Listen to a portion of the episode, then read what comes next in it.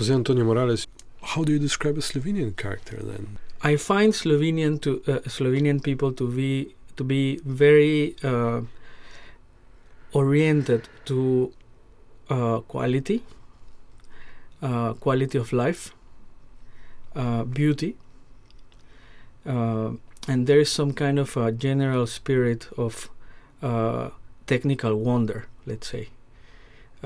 so you always find Slovenians well equipped right? so if, if you are going to, to ski, you have the best skis.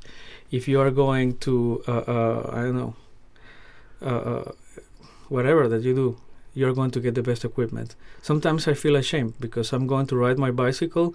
It is a 10 years old city bicycle uh, around uh, my town, and everyone goes in super bicycles, all with uniforms and all the latest equipment and I'm the one going slow, right?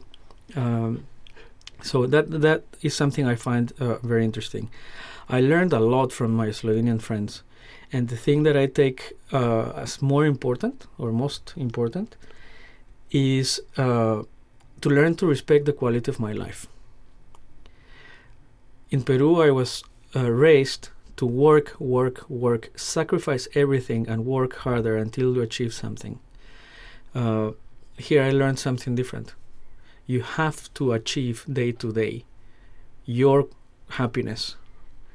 Uh, and it turns out that for me, at least for my personality, that approach is much better. Mm-hmm. Um, so it's not only work. And there's another in- interesting topic about work there. I was talking today with a friend as well.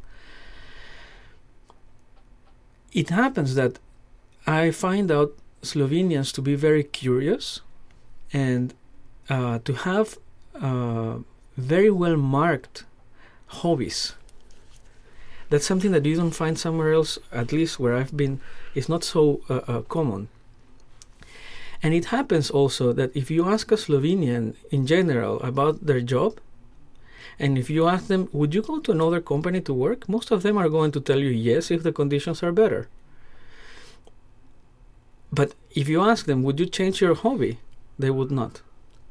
So actually, it looks to me like the work, it is somehow the enemy, right? It's something you have to do because you need the money to to to. Uh, uh, I'm not telling that this is for everyone, right?